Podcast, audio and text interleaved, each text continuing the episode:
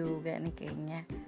Almost a year ya kayaknya udah nggak gabung di podcast ini dan kali ini uh, setelah mereview podcast yang terakhir aku share sama kalian itu aku lagi bahas tentang hiking ke Argopuro. Dan aku beri judul hiking Argopuro part 1 Nah sekarang aku mau lanjut ini untuk hiking Argopuro part kedua. So di sebelumnya kalau aku bilang pada saat hiking Argopuro yang pertama itu aku kasih tau kalian pada saat kita, aku dan timku pada mau jalan ke pos 1 itu kita menggunakan ojek. Estimasi sebenarnya sebelum sebelum kita berangkat itu kita udah ancang-ancang bahwa dari base camp utama ke pos 1 itu kita akan jalan. Tapi ternyata tidak sesuai dengan harapan. Sama kebanyakan orang biasa bilang bahwa uh, kenyataan kadang tidak sesuai dengan harapan. Nah ini yang kita alamin. Kita nggak tahu sebenarnya real medannya seperti apa karena kita ber satu dua tiga empat. Kita berenam nggak tahu sebenarnya medan yang sebenarnya itu seperti apa. Jadi karena udah patungan dan ada salah satu teman kita yang berbaik hati memberikan uh, sedikit banyak rezekinya untuk membantu kita membayar ojek jadilah kita berenam naik ojek. Dengan medan yang harus dilalui itu jalannya kelak-kelok terus maksudnya berliku-liku naik turun gunung wah dahsyat deh. Dan kita naik motor itu di pinggirnya itu tebing-tebing semua jurang sebelah di kiri kanan itu jurang. Dan sedikit macu adrenalin sih karena motor yang mereka gunain itu motor jenis motor yang harus sebenarnya sih motor-motor trail gitu ya tapi motor si tukang ojek ini disulap jadi motor yang benar-benar memang harus uh, untuk digunakan di area pegunungan. Jadi benar-benar dan nggak bisa di dibawa dengan keadaan dikendarai dengan keadaan uh, lambat. Maksudnya dengan jarak tempuh yang lambat nggak bisa. Dan abangnya tuh harus dengan jarak tempuh yang cepat. So selama di jalan itu gue cuma berdoa doang ya ampun Tuhan semoga nggak jatuh semoga nggak jatuh. Kalau sampai jatuh amsyong ini gimana ceritanya karena ke kiri jurang, ke kanan juga jurang. Jadi berdoa aja sepanjang jalan si abangnya bawa motor tuh berdoa biar nggak jatuh.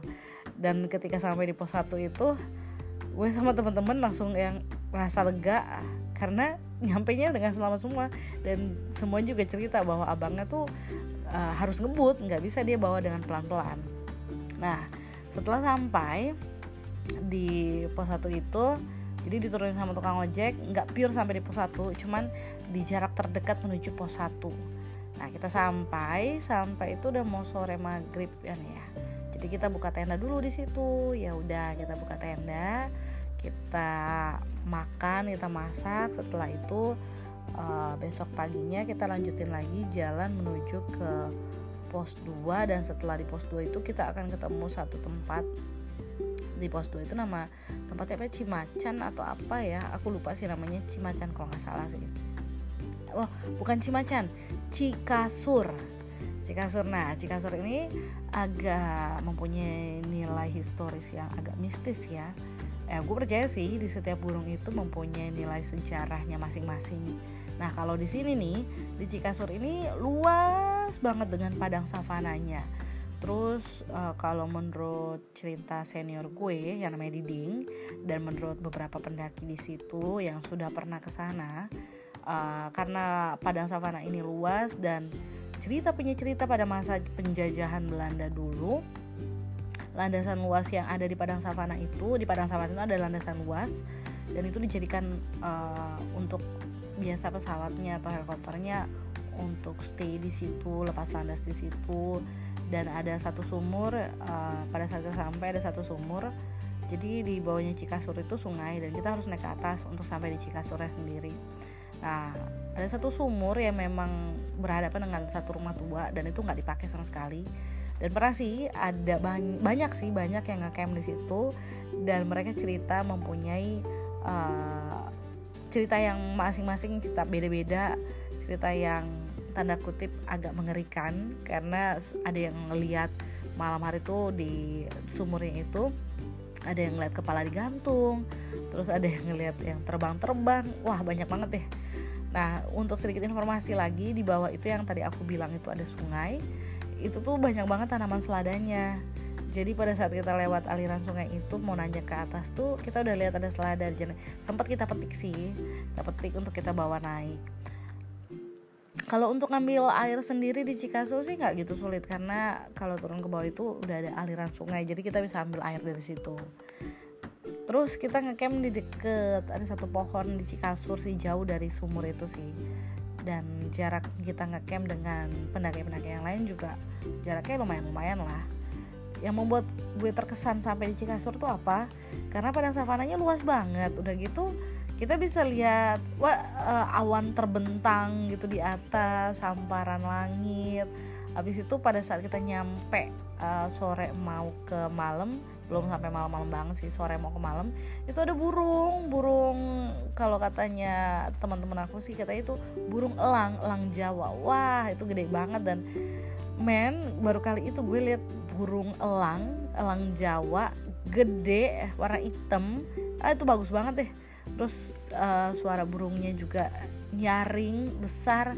Wah itu kayak berasa bener-bener kita berteman dekat banget cari banget dengan alam yang ada di situ. So pas pas lagi bangun tenda pas malam-malam udah dikasih tau hati-hati hati-hati ya takut ada hewan segala macem. Ternyata yang gue lihat gue udah ketakutan yang gue lihat adalah musang. Musangnya gede banget gede banget segede elang jawa yang kita lihat. Dan agak shock aja itu apa yang lari-lari? Ternyata itu musang. Nah setelah dari Cikasur kita stay satu malam di Cikasur. Kita lanjut lagi perjalanan menuju ke pos ketiga. Jadi dari Cikasur kita menempuh perjalanan ke pos ketiga. Itu nggak sampai di pos ketiga sih sebenarnya kita sampai namanya uh, lupa sih. Kalau misalkan kalian mampir nonton di YouTube-nya ada tuh uh, aku taruh sih di sampai mana-mananya kita itu. Jadi sebelum pos 3 itu itu menuju jalur yang uh, lumayan memacu adrenalin juga ya.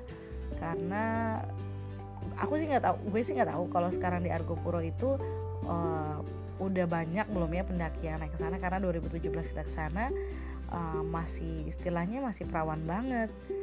Dan untuk menempuh jalan untuk kita jalan sampai ke pos 3 itu dedaunan kiri kanannya itu pohon kiri kanannya itu mepet banget mepet mepet banget dengan jarak uh, kita jalan. Jadi uh, teman-teman yang laki-laki memang sudah siap sedia bawa golok atau parang itu untuk uh, menghalau daun-daun yang akan kita lewati itu. Bukan berarti kita nggak cinta tapi ada beberapa tanaman liar yang memang mengganggu perjalanan kita. Jadi harus dihalau dulu baru kita lewat. Nah ada cerita yang eh, nggak uh, bisa gue lupain sih sampai sekarang sebenarnya. Pada saat lewat itu karena jarak dedaunannya ini kiri kanan sangat dekat sekali dengan kita dan nggak nggak luas seperti gunung-gunung yang sudah gue naikin sebelumnya itu uh, gue dengar suara binatang entahlah itu macan atau harimau nggak ngerti deh itu suara gimana. Uh, tapi yang jelas suara desisnya itu suara bukan desis sih suara ngaungnya itu kayak binatang yang berbahaya. Jadi uh, di depan itu laki-laki di depan itu awalnya gue belakang temen gue belakang lagi baru laki-laki. Setelah gue mendengar itu gue teriak dong ke belakang. Kalian dengar nggak sih ada suara binatang? Oh, oh kayak gitu-gitu deh. Dan itu buat gue merinding sih sebenarnya. Agak ngeri juga ya karena kan mepet banget nih untuk jarak kedaunannya jadi membuat gue agak wow gimana ya kalau seandainya nanti nih binatang merekam gue dari depan agak ngeri juga ya. Jadi ada ketakutan tersendiri sih sebenarnya pada saat dengar suara hewan itu. So gue teriak terus mereka juga dengar dan langsung atur barisan. Oke yang laki-laki dua di depan dua di belakang dan kita yang cewek-cewek di tengah-tengah dua-duanya. Gak lama seniornya juga bilang sih ayo kita jalan cepet aja kita jalan cepet aja. So akhirnya kita jalan cepet sampai di atas itu ketemu padang savana lagi. Kayak gitu lagi jalan lagi kayak gitu sampai seterusnya. Uh, kita mau sam nggak sampai malam sih. Sebelum maghrib itu setelah kita nyebrang sungai terus setelah uh, ketemu dengan suara hewan yang kayak gitu uh, dan hujan di tengah jalan sampai akhirnya kita memutuskan kita nggak bisa lanjut lagi sampai pos 3 itu pos 3 itu kalau nggak salah sampai di namanya Istana Lonceng tapi kita belum sampai di sana. So kita kita nginep kita stay satu malam kita buka tenda uh, untuk uh, di lupa deh namanya apa itu yang arah ke pos 3 itu. Kita berdi kita buka tenda di situ karena suasana hujannya deras dan ada angin sedikit badai sih sebenarnya. Jadi pada saat bangun tenda itu ya dalam keadaan basah-basah hujan-hujan kita tidur di dalam pun ada beberapa tas kita yang memang sudah baca dan basah dan di dalamnya itu ada tempat logistik segala macam sih. Dan itu menurut gue kejadian yang nggak bisa terlupakan dan selalu sharing sama temen-temen yang naik ke Argo Puro nih men gila itu pengalaman yang uh, unpredictable banget. Karena estimasi kita jalan dari Cikasur itu kita bisa sampai di Istana Lonceng tapi ternyata karena jalur dan medannya yang sedikit berat dan panjang so jadi kita mesti stay dulu. Setelah melewati hujan badai di esok harinya kita jalan lagi untuk sampai di Istana Lonceng. Pada sampai di Istana Lonceng itu adalah pusat untuk kita menuju kedua puncak ini. Jadi puncaknya Rengganis sama puncaknya Argopuro sendiri. Nah ada beberapa puncak juga sebenarnya jadi di Rengga ada Hyang terus puncak uh, gue lupa sih itu yang di puncak Argopuro sama di puncak Rengganis jadi beda jalurnya. So kita sampai di Istana Lonceng jam 12 siang kita foto-foto dulu ketemu sama teman-teman yang lain cerita kemarin ngecamp di mana karena sore udah hujan kita cerita kita ngecamp di sebelum Istana Lonceng ini. Padahal sih sebenarnya jaraknya nggak terlalu jauh sih dari batas kita ngecamp kemarin tuh sebelum ke Istana Lonceng so setelah ketemu beberapa komunitas dan para pendaki di situ kita sempat foto-foto tekeran logistik terus cerita-cerita. Terus kita lanjut deh mendaki ke Renggani sama ke Argopuronya sendiri. Nah setelah puas kita mendaki kedua puncak ini kita turun. Karena kita mau lanjut lagi ke uh, Danau Taman Hidup. Nah di Danau Taman Hidup ini men yang punya cerita yang wow baru bener-bener yang merasakan bahwa orang cerita bilang kalau uh, Argopuro itu gunung terpanjang eh, uh, maksudnya jalur dengan gunungnya uh, gunung dengan jalur terpanjang yang harus ditempuh. Dan men ini bener real kita baru ngerasain wah gila ya sepanjang hiking sama mereka baru bener-bener ngerasain yang jalurnya sangat panjang. Ini ya bener di Argopuro kita turun dari dua puncak ini dari terakhir tuh kita puncak dan kita turun dari Argopuro terus jam mau jam 6 sore kok setelah maghrib deh kita jalan. Jadi ada pendaki yang di depan kita dulu kita pesan sama mereka. Uh, karena kita kan sama-sama buta nih belum pernah jalan ke Argopuro so boleh nggak mas uh, nanti kalau pada saat jalan uh, jalur yang mas lewat ini tandain ke kita biar kita nggak nyasar karena ada beberapa jalan yang kadang membuat kita juga bingung. Oh iya mas siap-siap. Oke. Okay. satu jam setelah mereka berangkat kita pun berangkat setelah maghrib. Oke. Okay. uh, tapi uh, ketua kelompok sih udah bilang si Diding sama Kon udah bilang guys ini jalurnya lumayan panjang tapi menurut estimasi mungkin kita 11 atau jam jam 9 malam kita udah bisa sampai jam bukan jam 10 malam kita udah bisa sampai. Oke okay, kita jalan guys. Sebenarnya sih sama mereka dari kemarin jalan itu nggak pernah kita ambil jalan malam. Karena kejadian beberapa tahun sebelum sebelum sebelumnya kita jalan malam tuh selalu ada aja kejadian-kejadian yang tidak bersahabat menurut kita sih. Jadi kita nggak mau mengulangi itu tapi karena keadaannya terpaksa so kita harus jalan malam untuk menuju ke danau taman hidup. Karena nggak mungkin lagi kita membuang waktu kita satu hari untuk ngecamp lagi di istana lonceng Oke, okay, kita lanjutin perjalanan. Perjalanan lumayan panjang sih dan itu membuat gue menguras, membuat kita semua sebenarnya menguras tenaga. Tapi especially buat gue uh, seumur umur nggak pernah gue hiking sama mereka sampai mengeluh bilang ini lama banget, ini lama banget, kapan banget, kapan sampai, kapan sampai. Dan gue nggak pernah menggerutu selama perjalanan. Tapi kali ini di Argopuro beda dari yang lain sih sebenarnya gue sampai ngeluh ke mereka gue lapar gue mau muntah. Terus ternyata kita jalan udah mau jam 10 belum nyampe-nyampe. Sampai gue ngeluh kok lama banget? Tadi estimasinya kata mereka kita udah bisa sampai jam 10 tapi kenyataannya enggak. Nah sampai di jam 11 setengah 12 Uh, kita ketemu lah sama rombongan yang di depan ini. Ternyata mereka buka jalur dan mereka ngecamp di jalur tersebut terus kita bingung wow mereka aja baru sampai sini. Berarti danau taman hidup ini masih jauh banget dari sini. Oke okay, uh, keputusan diambil katanya mau kita ngecamp berhenti atau lanjut? Sebenarnya sih gue sendiri sih udah nggak sanggup. Gue bilang udah ngecamp aja deh besok aja. Tapi karena kekeh uh, beberapa teman maksain nggak bisa harus sampai kalau kita di sini tuh ntar tenaga kita terkuras. Oke okay, kita lanjutin lagi. Jam 12 tank gue udah capek. Gue bilang mereka gue udah nggak kuat gue nyerah sampai gue lempar tuh botol minum gue. Terus katanya temen gue si Ukon bilang ya udah uh, belakang aja. Ternyata gue ditaruh di tengah. Gue taruh di tengah ternyata tidak membuahkan hasil juga. Terus juga gue uh, lambat-lambat juga jalannya. Dan akhirnya mereka kesel.